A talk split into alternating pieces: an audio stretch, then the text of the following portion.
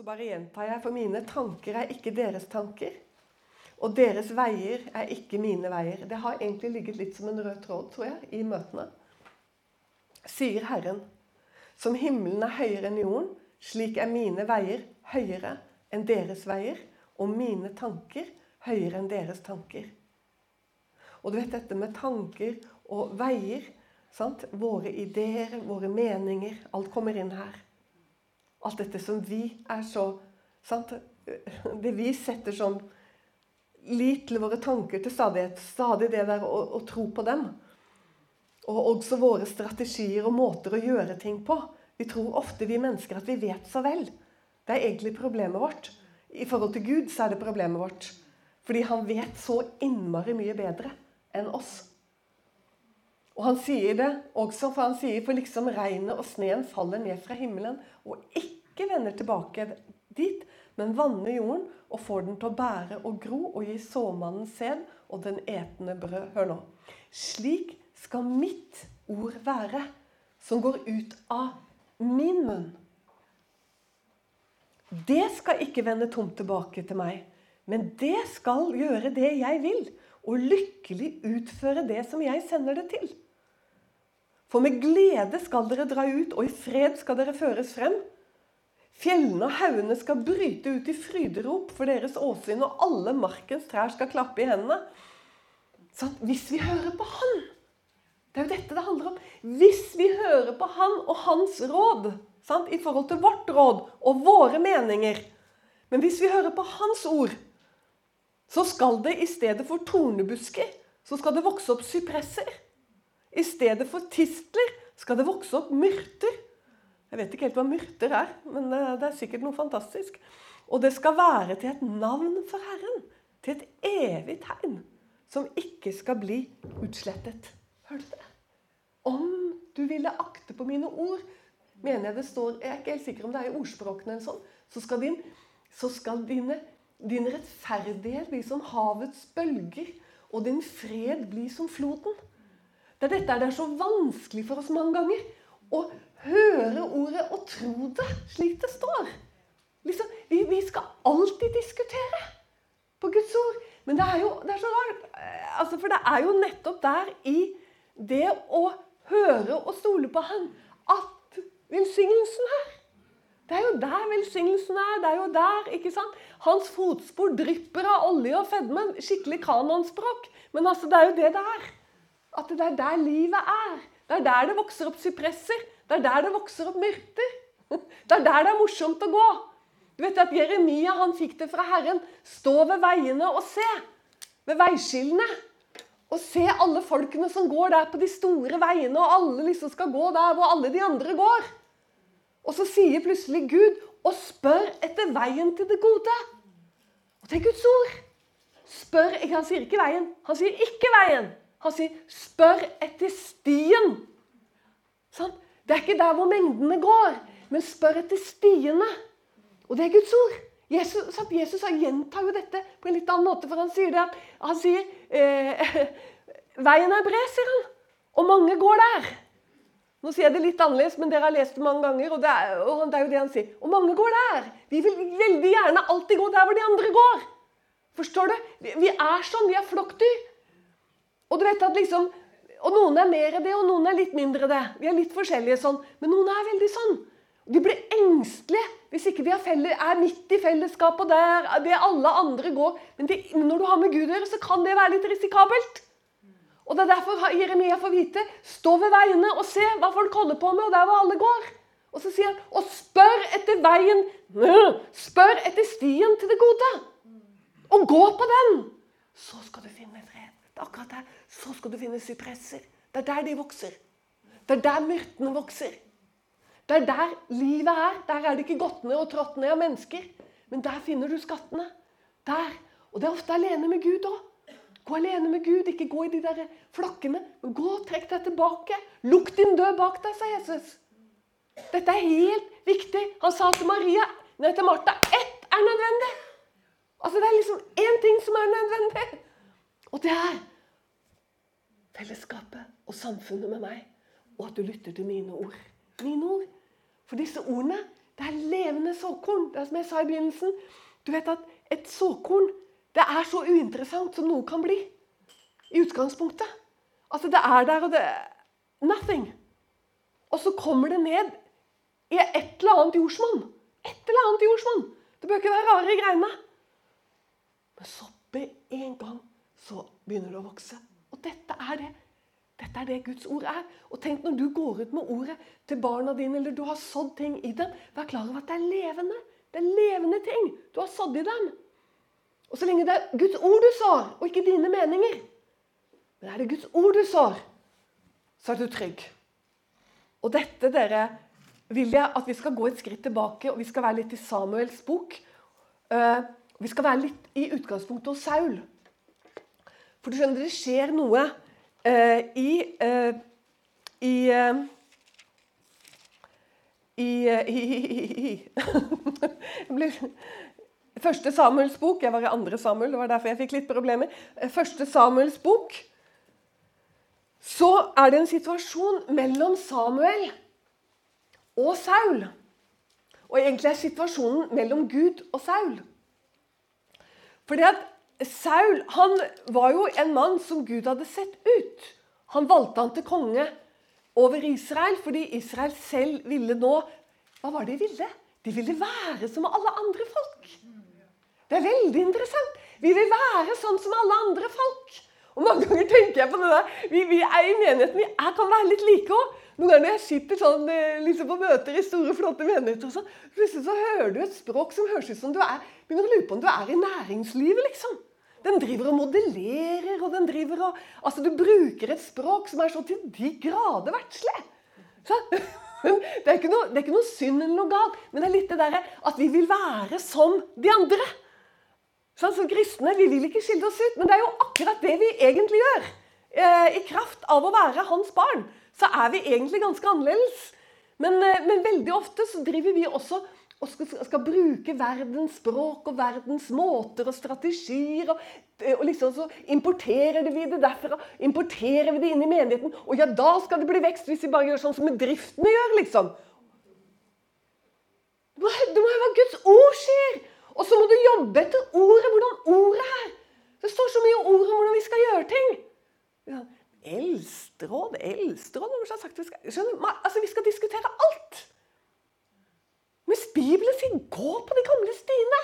Se på utgangen etter de som har gått foran, og følg dem! Sånn? Men vi alltid så diskuterer vi. Og så skal vi gjøre det sånn som verden veldig ofte. Stå langs veiene og se. Sant? Det er der de holder på, og gjør det sånn som alle andre. Og Saul, han er litt sånn. Han er, sånn, han er en mann som tror på Gud.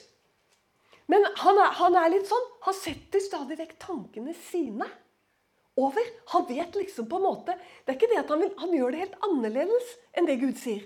Men han gjør det litt annerledes. Fordi han mener at det er bedre å gjøre det sånn. Og, og hvorfor det? Det som er dypest sett hos han, det er ikke alltid det at vi er overbevist om at alle av oss er overbevist om at næringslivet og bedriftene kan dette, her, og da kan vi bare liksom ta det derfra og importere det i menigheten, og så får vi samme vekst. liksom. Det er ikke det at alle er overbevist om det, men det er veldig ofte det at vi er redd for folket. For det er også en sånn greie på det å ikke gå alene. Det er det at vi, vi har litt sånn menneskefrykt. Rett og slett. Vi er, redd for å, for å stikke oss ut, eller redd for å komme inn og sånn. Sant? Noe ubehag og klammeri og greier. Og vi skal jo ikke stikke oss ut for å stikke ut, oss ut. Og vi skal absolutt ikke være kranglete eller kritiske eller plagsomme på noen som helst måte. Vi skal faktisk, Så langt vi rekker det, så skal vi prøve å holde fred med alle. Men når det går på Guds ord, så kan du ikke liksom begynne å, å skal holde fred med alle. Og der som leder så har du et ansvar. Rett og slett. For du vet at Jeg tenker på det der å komme inn da i et eldste Nå sier jeg eldste. Jeg tror på eldste. Jeg tror eldste er viktig. Og, og det, det, er ikke hvem som helst som skal sitte der. For du skal, sånn, du skal både ha en hyrdefunksjon, men du skal også ha en god del mot. Fordi du skal både fø fårene med rette mat, og du skal vokte dem. Sånn? Og det krever mot. Å både fø dem med rett mat og å vokte dem. Sant? Men Saul han har, han har rett og slett angst for folket. Og nå har det kommet et stopp, skjønner du, for Gud. Og, og takk og pris at vi Han eh, Nå er vi i Gamle testamentet, og det må jo sies, da. sant? For Gud, han var langmodig og barmhjertig Gud i, i, i Gamletestamentet også. Og han var rik på miskunnhet og sannhet. Men allikevel du, ser ofte at det, det, går en sånn stopp ned sant, i Gamletestamentet. Det kommer dom i Gamletestamentet. Plutselig så slår dommen inn. Det er en dom som en gang for alle rammet Jesus Kristus på korset. Så vi lever i nådens tid, så det må jo bare sies her, så ikke du skal begynne å skjelve, liksom. Forstår du? Det gjør vi, men det betyr ikke Hør nå, nå skal jeg si noe viktig til deg. Jesus sa, 'Jeg er ikke kommet for å dømme, jeg er kommet for å frelse'. Men så sier han noe mer. 'Men de ord jeg taler, vil dømme dere på den ytterste dag'. Sånn? Så, så det, det, må vi alltid ha med oss, at hans ord er virkelig sannhet. Virkelig sannhet. Så hvis ikke vi kommer til lyset sant? og lar ordet få rett i våre liv, og det må det Men han er langmodig med oss sant? og tålmodig med oss. Og han er full av nåde og miskunnhet for oss. Og det er et kors som er reist, og der får vi lov å gå. Og det står skrevet at dersom vi bekjenner våre synder, er han Men hør nå. Dersom er han trofast og rettferdig, så han tilgir oss syndene og renser oss fra all urettferdighet. For en Gud vi har. Det er aldri for sent å komme, kjære venner, men det ble for sent for Saul. Men nå er vi i Det gamle testamentet, og det er viktig å si. Samuel kommer. Saul hadde fått beskjed om å utføre et oppdrag som høres voldsomt ut. Og Vi er i Gamle testamentet, og nå er det dom over amalekittene. Det er dom over et folk, og jeg tror vi skal være glad for at vi ikke vet hvor grusomt dette folket var. For det er ofte vi reiser oss liksom for en brutal gud. Men det vi må være klar over Ja, hei. Ja, Det er første Samuels eh, bok. Det er kapittel 15 at eh, mange ganger når vi liksom syns det er så grusomt at Gud kunne gjøre sånn og sånn, så tror jeg vi skal være glad for ikke, at vi ikke alltid vet hvor grusomme de folkene var som, som, det kom dom over. Det er virkelig sant. Hvor mange av dere er det som vet hvordan kananittene egentlig var? Og hvordan deres gudsdyrkelse var? Bør ikke begynne å remse det opp her. Men det er sånne perversiteter og det er en sånn brutalitet av menneskeofringer og seksuelle synder at eh, at det virker som vi i vår tid er nærmest eh, skolegutter i forhold. Så det kommer dom innimellom over folkeslag i Det gamle testamentet, og det gjør det nå over amalekittene. Og Saul får beskjed om at eh, de skal utryddes. Og ikke bare, ikke bare de, men alt. Buskap. Alt som har hørt de til. Og Dette er vanskelig for oss å ta inn, men det er ikke dette vi skal fordype oss i. Men vi skal fordype oss i prinsippet, for det er viktig. Og det handler om lydighet. Og Saul Han gjør det. Men så er det noe mer som skjer her. For Samuel kommer, så sier han 15. verset 14. verset Nei 13. verset. Da nå Samuel kom til Saul, sa Saul til ham, Velsignet være du av Herren. Jeg har holdt meg etter Herrens ord. Men Samuel sa, 'Hva er det da dette for en breken av småfe som lyder for mine ører?' 'Og hva er det for brøl av storfe jeg hører?' Saul svarte, 'De har ført dem med fra amalekittene.' For folket sparte det beste av småfe og av storfe for å ofre det til Herren din Gud. Men resten har vi slått med bann. Da sa Samuel til Saul, 'Hold opp, så vil jeg forkynne deg hva Herren har talt til meg i natt. Han sa til ham, tal. Samuel sa, da du var liten i dine egne øyne, da ble du hodet for Israels stammer, og Herren salvet deg til konge over Israel. Og Herren sendte deg av sted og sa, gå og slå disse syndere og amalekittene med bann, og strid mot dem til du får gjort ende på dem. Hvorfor lød du deg ikke Herrens ord, men kastet deg over hærfanget og gjorde hva ondt var i Herrens øyne? Da sa Saul til Samuel, 'Jeg har lytt Herrens ord og har, og har gått den vei Herren sendte meg.' 'Jeg har ført Agag, Amals konge, hit og slått Amalek med bann.' Men folket tok av hærfanget, småfe og storfe, det ypperste av det bannlyste. Det var for å ofre det til Herren din Gud i Gilgal. Da sa Samuel, har vel Herren like som eget behag i brennoffer og slakteoffer som i lydighet mot Herrens ord? Nei, lydighet er bedre enn slakteoffer. Hørsomhet er bedre enn fett av værer. For gjenstridighet er ikke bedre enn trolldomssynd og trassighet som avgudsdyrkelse fordi du har forkastet Herrens ord. For har, så har han forkastet deg. Du skal ikke være konge lenger. Da sa Saul til Samuel, 'Jeg har syndet, jeg har overtrådt Herrens bud og dine ord.' Og så sier han, 'Jeg var redd for folket og ga etter for dem.' Å, du verden. Ser du hvordan prinsippet er like levende iblant oss i dag? Hvor lett det er å bli redd for folket. Hvor, hvor lett det er og i stedet for å lyde Herrens ord og være lydig, så Se hva Saul sier. Ja, men Gud, jeg gjorde jo se, hør, Han prøver å lure seg selv til meg. Sånn. Han sier det. Ja, men vi har jo tatt vare på det beste. Og, og ikke sant? For å ofre det, sier han, til Herren vår Gud. Og, ja, men vi driver jo ikke, ja, men Eva, vi driver jo ikke med ofring og kalver og okser og øh, Ikke kalver, jo jo, men nei, unnskyld. Men av okser og, og får og Vi driver jo ikke med dette. Det blir litt vanskelig bilde for oss. Nei, det er ikke noe vanskelig bilde. For du skjønner, det som er ganske lett for oss også, det er faktisk å gå imot Guds ord. Og leve i synd etter Guds ord. Og samtidig være veldig ivrig i tjeneste. Skjønner du? Og du er kanskje den første til å støvsuge menigheten. Du er der klokken seks om morgenen på lørdager når alle andre sover. Du er med i kakebaksten, eller du er med og sitter i ledelse til og med. Og er aktiv tjeneste. Men så kanskje så har du gått imot Guds ord i livet ditt. Og lever oppi det.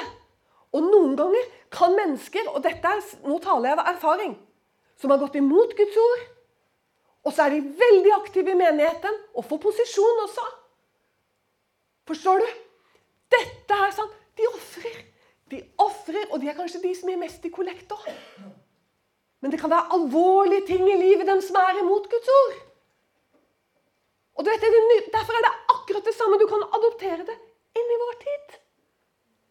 Og så kan han til og med lure seg selv og si at ja, men jeg gjør jo sånn, og jeg er jo med, og jeg, ja, sant, jeg er ivrig. Og da er det det samme som lyder i dag. At hørsomhet skjønner du, og lydighet Ja, men Eva, vi lever da i Nytestamentet. Ja, men Hør hva Peter sa, da. Hva er det han sa for noe? Dere er utvalgt. Ved åndens helliggjørelse, sier Peter. Sånn åpner han første Peters brev. Les det før du reiser hjem i dag. Første Peters brev, første kapittel. Dere er utvalgt til hva da? Til lydighet. Det er det vi er utvalgt til. Ved åndens helliggjørelse. For vi er jo det er ikke bokstavens lydighet dette handler om. Forstår du? Det er ikke bokstavens ånd. Det er åndens helliggjørelse til lydighet. Det er det Gud jobber med også. Det det, det er viktig for ham. At vi hører. Og Jesus sa jo 'de som hører og gjør etter det'. Og i Matteus 7 så, så, så kommer det jo mange til ham på hin dag. Og de er jo akkurat disse. Saul-mennesker som sier 'Har vi ikke gjort store ting i ditt navn?' ikke sant? Mektige gjerninger. Og så sier, så sier Jesus 'Bort fra meg'. Og da sier han noe. Dere som gjorde Og i min eh, oversettelse står det feil, for jeg har sjekket hva det står på gresk. Og det ordet på gresk går ikke an å misforstå. Så det er umulig å forstå hvorfor de har oversatt det på den måten de har gjort. For de har skrevet urettferdighet. Dere som gjorde urettferdighet. Det er ikke det det står. Det står 'dere som gjorde lovløshet', i betydningen 'ikke hørte på ordet'. Det er alvorlig å gå imot Guds ord i livet ditt. Og da hjelper det ikke å ofre. Da kan du gi 10 000 i tiende hver måned. Det hjelper ikke hvis du ikke har gjort opp din sak med Gud. Du må gjøre opp hvis det er ting i livet ditt som du bare stusser på om kan være imot. At du bare lurer på om du har gått feil. Så må du stoppe med ofringen din og tjenesten din og gå inn til Gud og bøy deg der. og tal med ham i ditt lønnkammer. Herre! Og hør her, det er aldri for sent å vende om. Og nå ber jeg Gud bevare oss for anklageren her. For anklageren, det er noe helt annet. Han kan komme skjønner du, og, og liksom begynne å ta på ting i livet ditt. Du må, du må liksom be Gud Herre, lær meg skjelne mellom hva som er anklagerens røst, og hva som er Den hellige ånds røst. For du skal ikke være under anklageren i livet ditt. Kan, men det, det du kan prøve det på, det er Guds ord. Du kan prøve det på Guds ord. Dette er viktig, dere. Og hør hva jeg sier, Det er aldri for sent. Det er litt som Esra vet du, som stilte seg opp i Nehemias bok. Og det var kaos i Israel. De var som, de var som får uten hyrde. For de levde ikke etter ordet. Og Så reiser Esra opp og begynner å lære ut ifra ordet. Les Nehemia. Så begynner Esra å lære ikke sant? etter ordet. Folk gråt. For de begynte å se på sitt eget liv i forhold til Guds ord. Og da ble det et oppgjør. Både med det ene og det andre. Som det ble ordnet opp i. Og det er noen som sier men Eva, hvis vi skal begynne å ordne opp nå Det kommer til å bli sånn rabalder. Og det var så godt. Det var en som sa det, og så svarer Erlend med en gang. Ja, da begynner du i feil ende. Du må ikke begynne i rabalderet. Da får du jo aldri gjort noe. Du må gjøre som Esra. Du må begynne med ordet, og så må du tro at Gud er med deg. Og om Pedersen og, og, og, og fru Ellingsen og et par til forsvinner Og det var litt synd, for de hadde et navn i bygda. Sant? Det kan jo være sånn frykt vi kan få. Rett og slett. Frykt. Menneskefrykt. Vi er mennesker, og vi kan veldig lett få nettopp det. Du skjønner, Og David, det var her David var annerledes enn Saul. Det var ikke fordi han var lav av vekst, eller at han var minstemann, eller at han hadde vært hyrde, eller at, han, at Gud hadde salvet han. Jo, det var det. Han var salvet av Gud. Men var, det var Saul òg. Så det er ikke det som skiller dem. Saul var salvet av Gud. Saul trodde på Gud. Han var salvet av Gud, og han trodde på Gud. David trodde på Gud, og han var salvet av Gud. Her er de helt like. Men det er noe som skiller dem, og det er dette her. At det første David tenkte på når han ble konge for Israels tolv stammer, hva er det det første han tenkte på? Er det noen av dere som har lyst til å rope det ut? Hva var det det første som David tenkte på etter at han var blitt konge for Israels tolv stammer? Hva var det første som var viktig for ham? Hm? Bare prøv. Ja, men det var noe han gjorde. På, han sa ja. Hvordan kan jeg styre dette folket? Han var liten i sine øyne fortsatt. Det hjalp ikke om de hadde gjort ham til konge. Og husk at når han fryda seg i Den hellige ånd, når han førte arken opp i, til Sion Han dansa, han fryda seg sammen med tjenestepiken og alle andre. Sant? Og så står hun kjødelige eh, Mikael, kona hans, oppe i vinduet. Og hun tar han om kvelden. Ja, det var litt til stas å se kongen av Israel hoppe og sprette rundt i en eh, linkjortel i dag, hva? Og gjorde spott, ikke sant? Og vet du hva David, det er det som er fint, hva David svarer henne. Så sier han, du må lese det selv. Jeg skal gjøre meg enda mindre, Mikael, enn de tjenestepikene. Så, nei, jeg tror nesten Å, det er så bra! Vi må lese det ordrett. Det er så bra! Da må vi lese, tror jeg, i 2. Samuel. Og da må vi lese i det sjette, tipper jeg, kapitlet. Uh, vi skal jammen meg ta det med, altså. Hva David svarer Mikael. Ja, der er det seks. Da, uh, 2. Samuel kapittel seks, siste versene.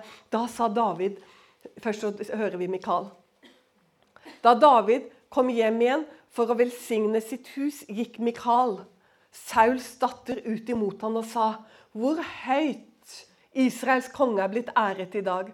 'Han som i dag har blottet seg for øynene på sine tjener, tjeneres piker.'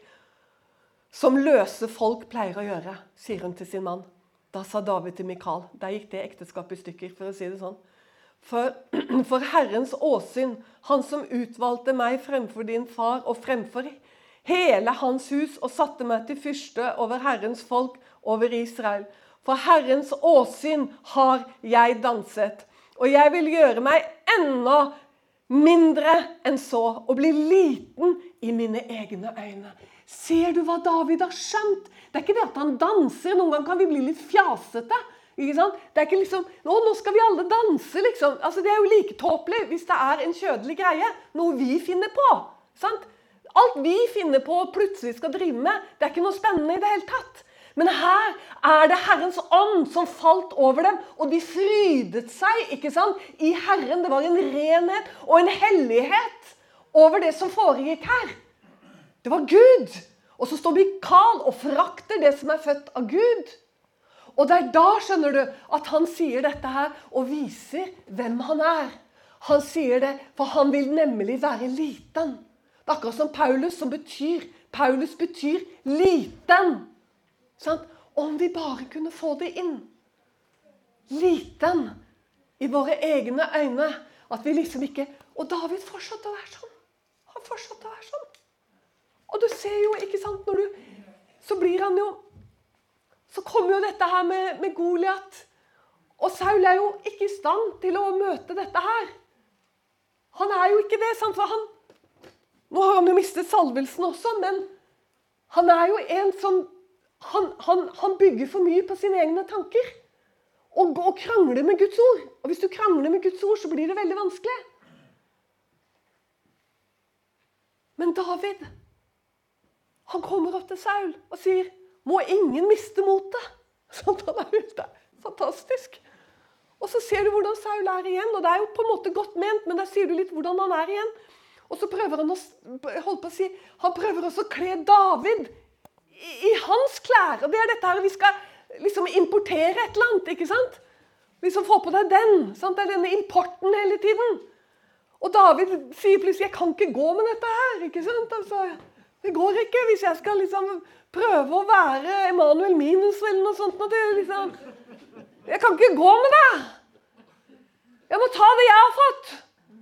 Så, så henter han slyngen sin, og så henter han fem glatte steiner. Sant? Så, og, så, og, så, går han. Så sier han jo først, og det er jo da Saul blir litt grepet, da, for, han sier jo, for Saul er jo en troende mann. For han sier det at eh, løve og bjørn Altså, han som fridde meg, sier han. Han gikk æren til seg selv. Han som fridde meg fra løven og bjørns gap. Han har slått både løve og bjørn ved Guds nåde. Han som fridde han skal også fri meg fra denne uomskårne filister. Han har denne, han har denne troen og denne evnen til å bryte ut. Og det er ikke, dette er ikke noe spesifikt kong David, men det er spesifikt Guds barn, egentlig. For det er den ånden du har fått.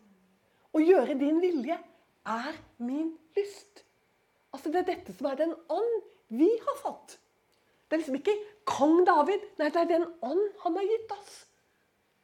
Og det er Herrens ånd vi har fått. Og da gjør vi noen ganger ting fordi vi tror. Forstår du? Og han gjør det, vet du. Og han treffer. Og resten av den historien kjenner vi. Men bli med nå inn i Nytestamentet. For Jesus han han vet jo at de kjenner Skriftene, disiplene. Og han bruker jo hele veien Gamle testamentet for at de skal forstå hva han snakker om. Og Derfor forstår vi at vi, også, vi må jo også kjenne Gamle testamentet. sant? For å forstå Jesus. Fordi Jesus bruker jo Gammeltestamentet hele tiden. Og nå gjør han det igjen i en lignelse om kongen som skal gå ut i krig. Og de som kjenner historiene fra Gammeltestamentet de er jo med Jesus med en gang. Men for oss så kan det bli litt komplisert. Og Mange ganger så stopper vi litt og lurer litt. Hva er det du mener? For de lignelsene som er ikke alltid så lett å forstå sånn uten videre. Men slik lyder det her i det 14. kapittel. Og så sier han i det 31. verset hos oss, så står det Eller hvilken konge som drar ut for å møte en annen konge i strid?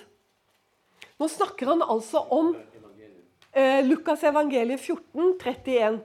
Og yes, sammenhengen her er at han snakker om dette og eh, Kanskje vi skal lese et par eh, vers lenger bak.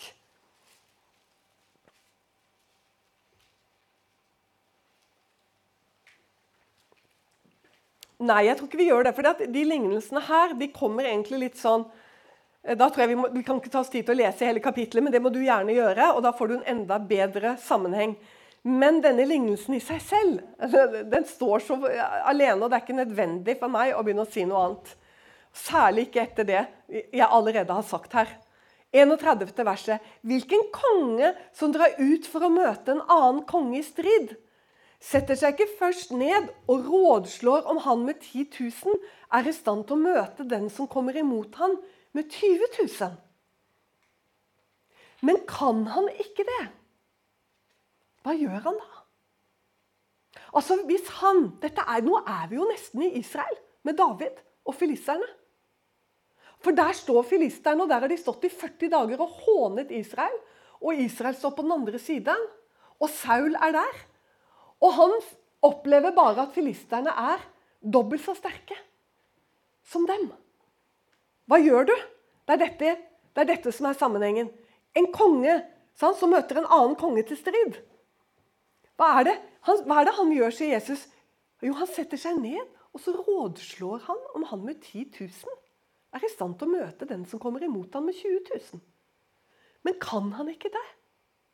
Da, da sender han bud, bud, budbærere. Da sender han ut slike sendemenn, står det i min. Hva står det i din bibel? Kurerer, liksom. Ja, eller en kurer. Sender ut til ham mens han ennå er langt borte og tinger han fred. Og så kommer dette som mange har stusset på. Følg med nå. For så kommer konklusjonen til Jesus. Og den er det mange har stusset på. For det andre, det skjønner vi. Det skjønner vi. Det er jo, her er det jo et menneske som treng, tenk, bruker sin forstand. Altså Kommer fienden imot deg dobbelt så sterk, så må du, må du være fornuftig. Hva gjør jeg nå? Altså, det var jo som den norske regjering under andre verdenskrig. Når det tyske eh, krigsmaskinen rullet inn over landet vårt så tenkte jo den norske regjering fornuftig, slik Jesus sier. Det er ikke bare dobbelt så sterk, enda sterkere. Her må vi bare tinge. Vi må få i gang fredsforhandlinger. Vi må tinge om fred. Vi må få, vi må få ordnet forholdene her. Og så er det en konge som tror på Gud i Norge, som heter Håkon. Og som er kjent. Og det heter Kongens nei. Nei, sier han. Ingen hva var det, eh, det var to ting han sa. Ingen forhandlinger og ingen overgivelse. Ingen overgivelse, ingen forhandlinger. Det var kongens nei. Plutselig er det en konge som reiser seg i Norge, som tror på Gud, og sier nei. Vi legger oss ikke inn under denne okkupasjonsmakten. Og du, de var sinna på han. Det var tøft å stå i tro. Men Håkon ga seg ikke. Og heldigvis fikk han med seg sønnen sin Olav. Og de sto i dette. Hør hva Jesus sier. Men kan han ikke det? Ja, da, da kan norske regjering vet du, De holdt jo på er Nygaardsregjeringen, og han øh, eh, ordna og han fiksa og skulle få i gang samtaler. vet du. Mens de ennå er langt borte. Hør nå. Således kan da ingen av dere være min disippel uten at han oppgir alt det han eier.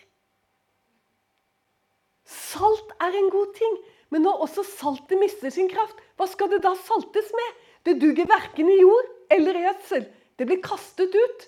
Og i et annet evangelium så står det 'og trådd ned av mennesker'. Hva er det du sier for noe rart, Jesus? Dersom du ikke oppgir alt du eier. Og det er så sant, og det er så Jesus, og det går gjennom fire evangelier. For du skjønner, det handler ikke om deg. Men når du har begynt å følge etter Jesus, så har du begynt en vandring i tro. Og når du, nettopp når du står der med tomme kar og 10 000 mann mot 20 000 mann, og du allikevel står for Guds ord, og du allikevel fortsetter å gjøre det som er rett, så skal du oppleve at du vinner den kampen. For han er med deg. Han er med deg, hører du.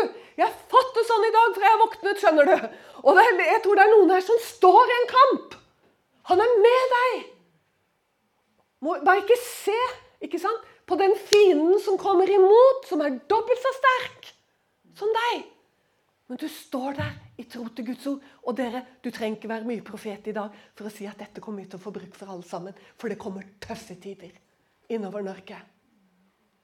Og hvis du Hør her. Her er du en menighet. Her har du to valg.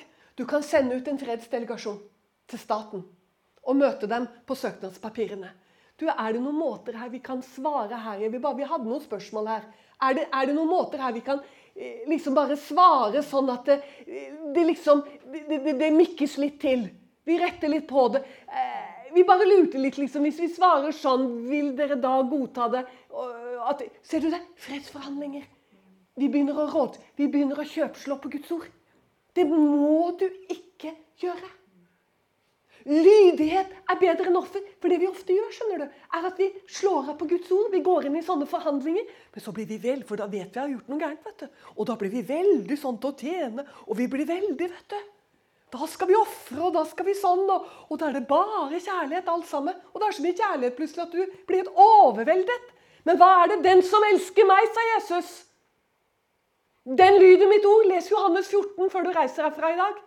Johannes 14. Han sier det tre ganger. Hvem er den som elsker meg? Det er den som gjør etter mitt ord. Og Han sier det direkte i Johannes 14, så sier han det i lignelser mange steder. Og så sier han det i Matteus 7, som vi sa. Bort fra meg, dere som gikk deres egne veier var, som ikke hørte på ordet. Vi står midt oppi dette menighet. At man sender ut fredsdelegasjoner. Nå sender man ut fredsdelegasjoner. For nå skal vi se hvordan vi kan få søkt her, og hvordan vi kan fortsette å få de bevilgningene vi så absolutt har. For nå har vi bygget ut menigheten, og vi har fått store lokaler, og det har blitt så fint og flott. Og ungdommen har begynt å vokse. Og nå må vi for Guds skyld ikke miste disse bevilgningene. Eller posisjonen vi har fått i bygda. Forstår du?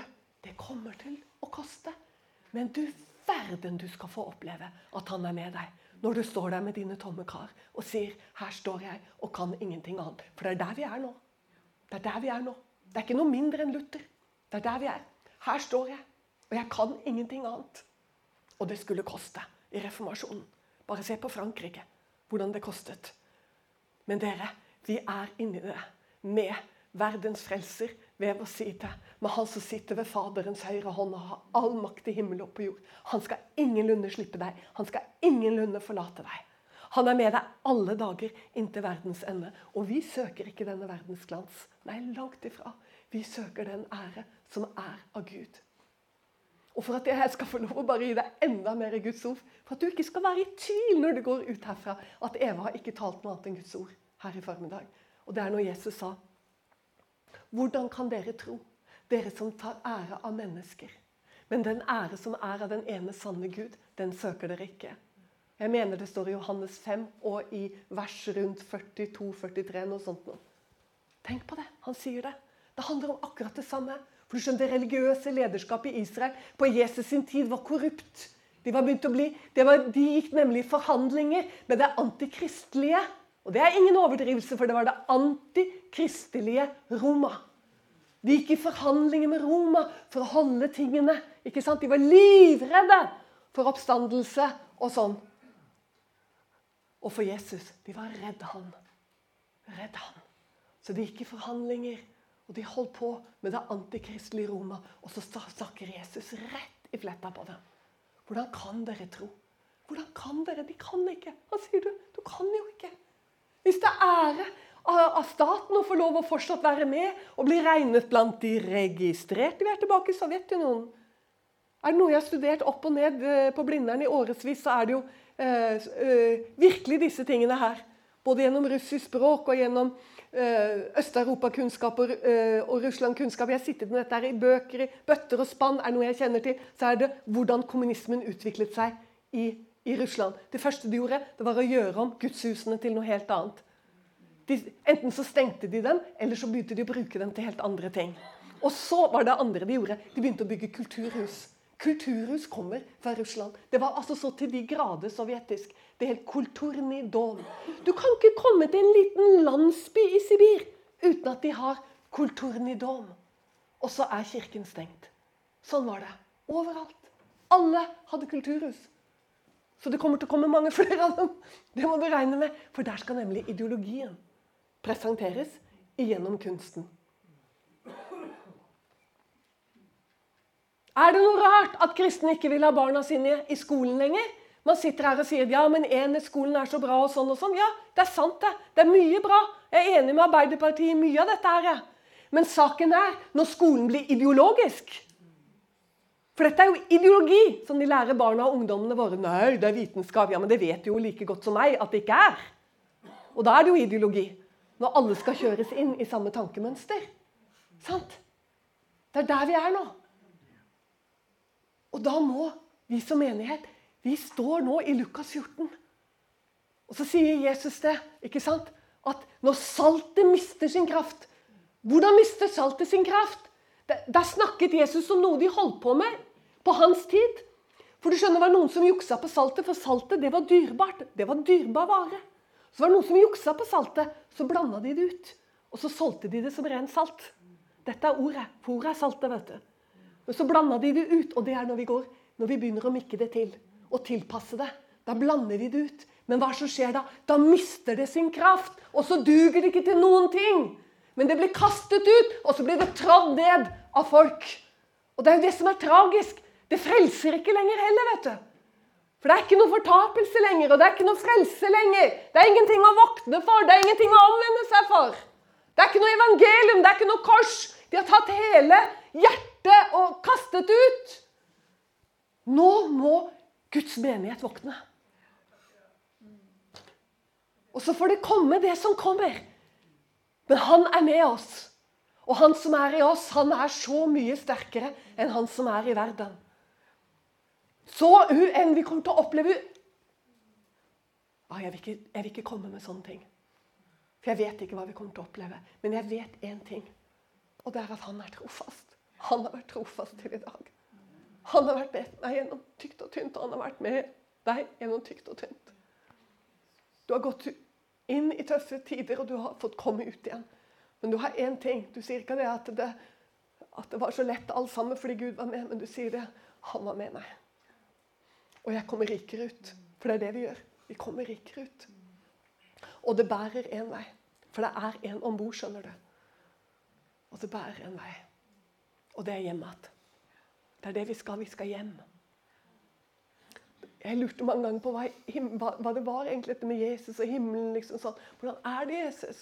Liksom, det der, jeg syns det virkelig skummelt, jeg. for det var så ukjent. Liksom, liksom, himmelen, Det var så voldsomt. Og så fikk jeg se det, for, det, for jeg fikk litt sånn gudsfrykt innenfor dette her. Det var liksom så voldsomt.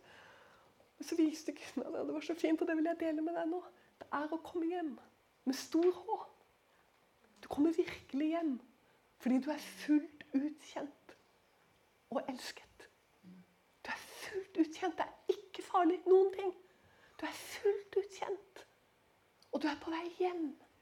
Hjem. Vi kunne være glad hvert sekund hvis vi virkelig skjønte hva vi har i vente.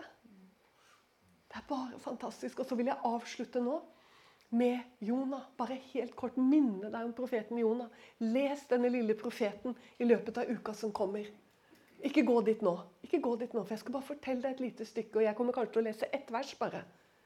Men du vet at Jonah han ligner veldig på Guds menighet i dag. På mange måter Guds menighet her i Vesten. For han har fått et kall, og han vet hva oppdraget er. Det har aldri vært noe tvil om hva som var oppdraget. Men Jonah hva er det han gjør for noe? Han, reiser, han, legger, han går om bord. Han reiser ned til Joppe og går om bord i denne båten. Tarsis, bare det ordet burde få oss til å Hvilken åpenbaring! Det er det store handelsskipet. Det er den tids kjøpesenter. Tarsis-skipet er den tids store kjøpesenter. Det var, disse, det var disse båtene som gikk i handelstrafikk gjennom lille Asias kyster langs hele Middelhavet. Fra handelsport til handelsport. Du, det var et kjøpesenter. Tarsiskip. Og I stedet for å gjøre som Gud går, så går han inn der. Og så står det det at når han kommer om bord der, så går han ned og legger seg. Og så faller han i dyp søvn. Og så kommer skipet ut i vill storm. Og de er så redde, de som er om bord. Hva er det som skjer? Og du, For meg så har dette blitt sånn bilde på tida. Det er så mange mennesker. De kjenner ikke Gud, men de er så redde.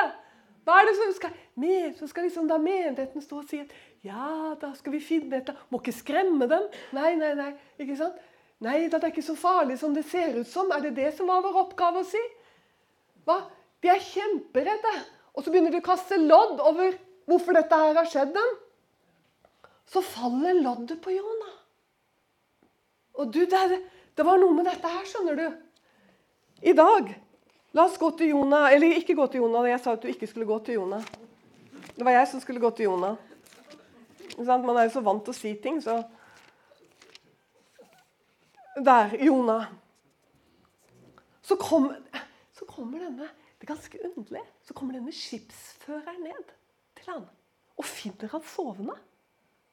Og så sier han til ham så står det Jonah var steget ned i skipets nederste rom og lå i fast søvn. Og noen ganger lurer jeg på liksom, Gud hjelp den norske kristenhet.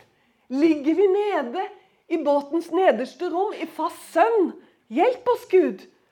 Så kommer han ned der, og så sier han Da sa han til ham Si oss Nei, vent litt. Nå har jeg kommet for langt ned her. Eh, skipsføreren vers 6 gikk da til han og sa Hvordan kan du sove så fast? Stå opp og rop til din Gud. Kanskje den Gud vil tenke på råd for oss, så vi ikke går under. Altså Dette er som jeg hører verden egentlig sin forventning til Guds menighet. Hvordan kan dere sove sånn, liksom? Hvorfor roper dere ikke? Hvordan kan dere være i fast søvn? Stå opp og rop til din Gud. Kanskje den, kanskje han kan tenke på råd for oss.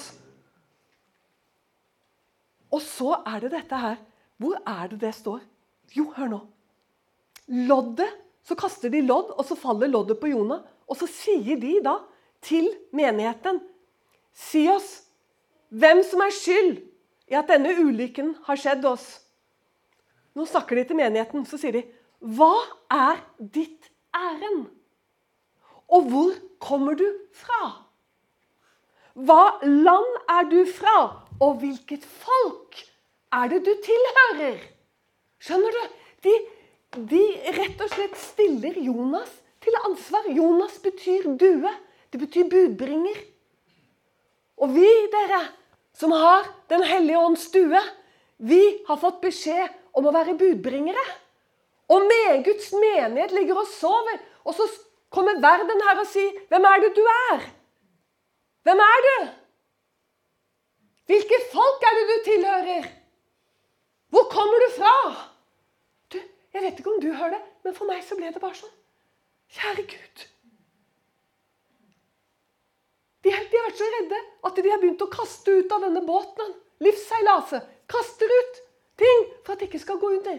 Dersom du hører klimaangsten og alle disse Hva skjer med jorda vår? Vi holder på å gå under! Hvordan kan dere sove så trygt? Forstår du? Så ligger vi og er redde. Med, med, med menneskefrykt og, og, og, de der som kommer imot oss, og vi tør ikke å si hvem vi er. Vær tydelig. Hvem er det du er?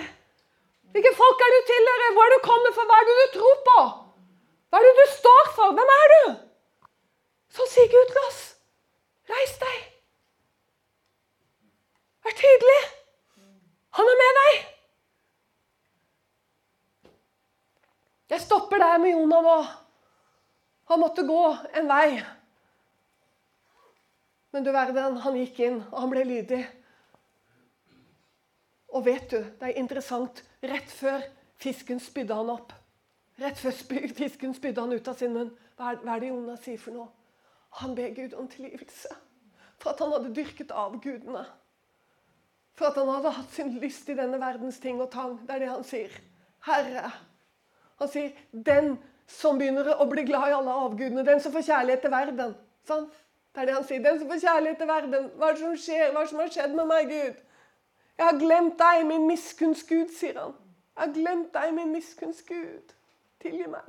Og da står det Da kilte Gud fisken i magen, og han ble så kvalm. Og så spydde han Jonah på land. Og det gjør han jo med oss òg når vi bøyer oss, hva? og når vi omvender oss. Sant? Så spyr han oss på land igjen. Halleluja. Så får vi lov å gå en frisk start og være lydige og følge etter han. Og jeg vet at de ordene som jeg har talt her i dag, de kommer bare til å bli mer og mer viktige i tiden som menigheten nå går fram i og inn i. Rett inn i. Han som kommer imot. Og dere, øv deg i tro, står det. Til å stå. Takk og lov. Herre Jesus, la oss reise oss opp til slutt. Jeg priser ditt hellige navn, Herre. Og jeg takker deg at du ser. Stå med oss økonomisk og i bønn. Du finner oss på utentvil.com.